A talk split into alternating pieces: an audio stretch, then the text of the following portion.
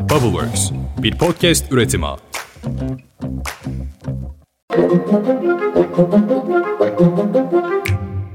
Günaydın. Bugün 1 Mayıs 2023. Ben Özlem Gürses, Bubbleworks Media ve Pushholder ile birlikte hazırladığımız 5 dakikada dünya gündemine hepiniz hoş geldiniz.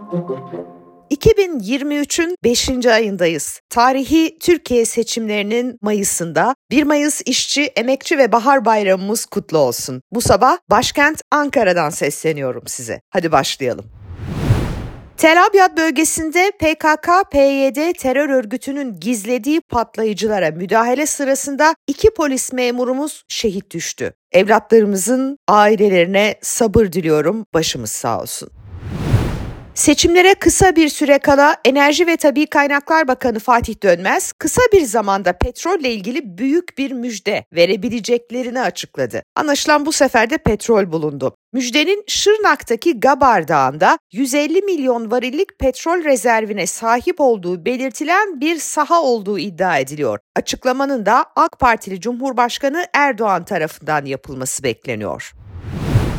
Duydunuz işte petrol müjdesi bugün yarın gelir. Ama veriler AK Parti iktidarında enerji yoksulluğumuzun çağ atladığını gösteriyor. Bakanlık verilerine göre ilk kez 2019 yılında uygulamaya başlanan elektrik tüketim desteği vardı. Başladığı sene 1,3 milyon haneyi kapsıyordu. Bugün bu sayı 3,7 milyona çıkmış. Neden biliyor musunuz? Çünkü ülkemizde her 7 haneden birinde elektrik faturası ödenemiyor.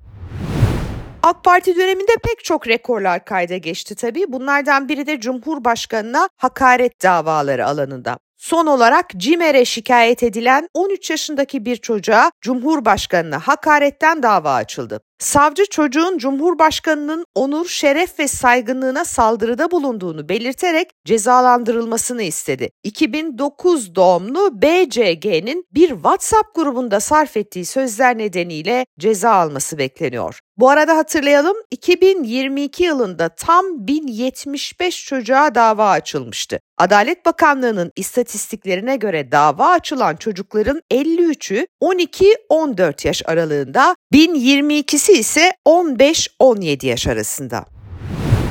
Edirne cezaevinde tutuklu bulunan HDP eski eş genel başkanı Selahattin Demirtaş, dün attığı tweetlerde seçimden sonra ortaya çıkacak gerçeklerden biri de saray tarafından satın alınmış adaylar, ceplerine bol para doldurulmuş muhalif görünümlü gazeteciler ve partilerin içine sızdırılmış ajanlar olacak diye yazdı. Demirtaş, ultra milliyetçi görünüp muhalefet edenlere kulaklarınızı tıkayın. Erdoğan'a açıktan destek veremedikleri için muhalif görüntüsüyle görevlerini yerine getiriyorlar. Umutlarınızı, geleceğinizi satanlara bir ders verin ve oyunuzu değişim için kullanın çağrısı yaptı.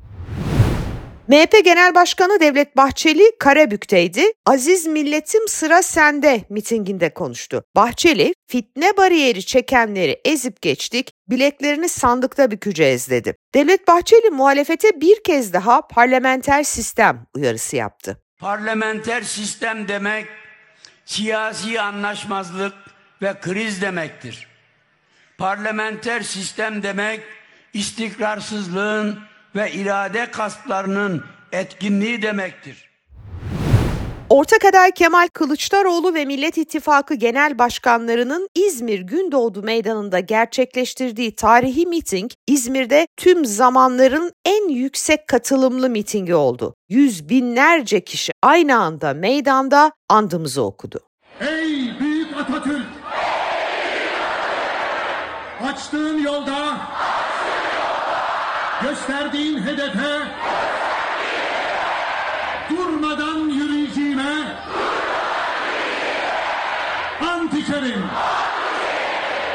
Millet İttifakı'nın 6 lideri ve 2 Cumhurbaşkanı yardımcısı Ekrem İmamoğlu ve Mansur Yavaş'ın da katıldığı mitingde ilk kez tüm isimler yan yana bir araya geldi. İzmir'de 1 milyondan fazla kişi Gündoğdu Meydanı'nı doldurmuştu. Kılıçdaroğlu mitingde gençlere seslendi. Bu seçimler gençlerin kendilerini göstermeleri gereken bir seçimdir. Bu seçimler demokrasiyi yeniden inşa etme seçimidir. Bu seçimler hiçbir çocuğun yatağa aç girmeyeceği güzel bir Türkiye'yi inşa etme seçimidir. Bu seçimler kadın erkek eşitliğini sağlama seçimidir. AK Parti'nin de Ankara mitingi vardı dün. Başkentin Millet Bahçesi'nde düzenlenen mitingde Cumhurbaşkanı ve AK Parti Genel Başkanı Erdoğan Kılıçdaroğlu'na yüklendi. Ya sana kim dedi Alevi misin değil misin? Bizim Alevi'ye de saygımız var. Her türe saygımız var. E bunu söylemene ne gerek var? 14 Mayıs seçimlerine artık gün sayarken İngiliz Sunday Times gazetesi seçimleri konu alan bir makale paylaştı. Erdoğan 20 yıllık iktidarını kaybetmek üzere mi başlığıyla yayımlanan makalede Louis Callaghan muhalefet zaferinin giderek olası göründüğünü belirtiyor. Toplumun artık Erdoğan'ın yenilmeyeceği algısını kaybettiğini söyleyen makalede Cumhuriyet'in 100. yılında Türkiye büyük bir değişimin eşiğinde deniliyor.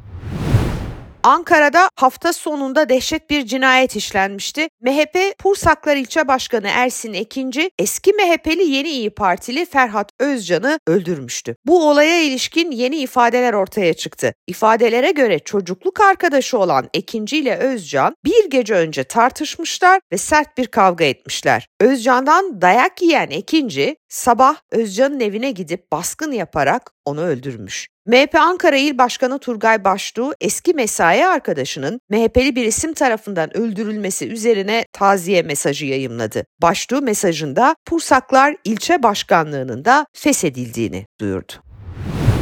Uçan Kuş TV'nin sahibi magazinci Can Tanrıyar tutuklandı. Tanrıyar sosyal medyada yayınladığı videolarla gündem olan Muhammed Yakut'a bilgi, belge, fotoğraf aktararak birlikte hareket ettiği gerekçesiyle başlatılan soruşturma çerçevesinde gözaltında tutuluyordu. Üç gün süren gözaltı sonucunda yağmaya teşebbüs, kişisel verileri hukuka aykırı ele geçirme suçlamasıyla Can Tanrıyar cezaevine gönderildi. Ramazan'ın başlamasından 4 gün önce yeniden harekete geçen beyaz et zamlarının 11.si bugünden itibaren geçerli olacak. Kasaplar ard arda yapılan bu zamları vatandaşa anlatmakta güçlük çektiklerini söylüyor. Ramazan başlarken kemikli bütün tavuğun kilogramı toptan 26 lira civarında satılırken artık 64 lira. Geçen yıl bu dönemde 25-30 lira olan kanat şimdi 140 lira oldu. Bugünlerde girdilerimize büyük zam yok ama beyaz et sürekli artıyor. Bu zamları vatandaşa anlatamıyoruz diyor kasaplar. Bugün 1 Mayıs. Küba'da başkent Havana'daki devrim meydanında 1959'dan bu yana her yıl düzenlenen 1 Mayıs İşçi Bayramı kutlamaları iptal edildi. İptale gerekçe olarak ülkedeki akaryakıt krizi gösteriliyor. 61 yıldır Amerika'nın ticari ambargosuyla karşı karşıya olan Küba'da devrim meydanındaki geleneksel işçi bayramı bu nedenle yapılamayacak. Ülkenin ihtiyaç duyduğu petrolün sadece üçte ikisini aldığını belirten Küba Devlet Başkanı Miguel Diaz-Canel, tedarikçi ülkelerin sözleşmeleri yerine getirmediğini söyledi. Ülkedeki ekonomik kriz ve yakıt tedariki sorunları nedeniyle 1 Mayıs'ta da ancak küçük çaplı yürüyüşler yapılabilecek. Ne acı. Bizde de Taksim Meydanı tüm etkinliklere kapalı biliyorsunuz. Neyse meydanlar kapansa da zamanı gelmiş bir fikrin önünde kimse duramaz. Ne diyor Pablo Neruda? Bütün çiçekleri koparabilirsiniz ama baharın gelişini engelleyemezsiniz. O zaman 1 Mayıs marşı ile bitirelim. Sandığa tam 12 gün kaldı. Ankara'dan selam ediyorum efendim. Yarın sabah erken saatlerde kulaklarınıza dolmak ve yeniden görüşmek üzere. Hoşçakalın. Gün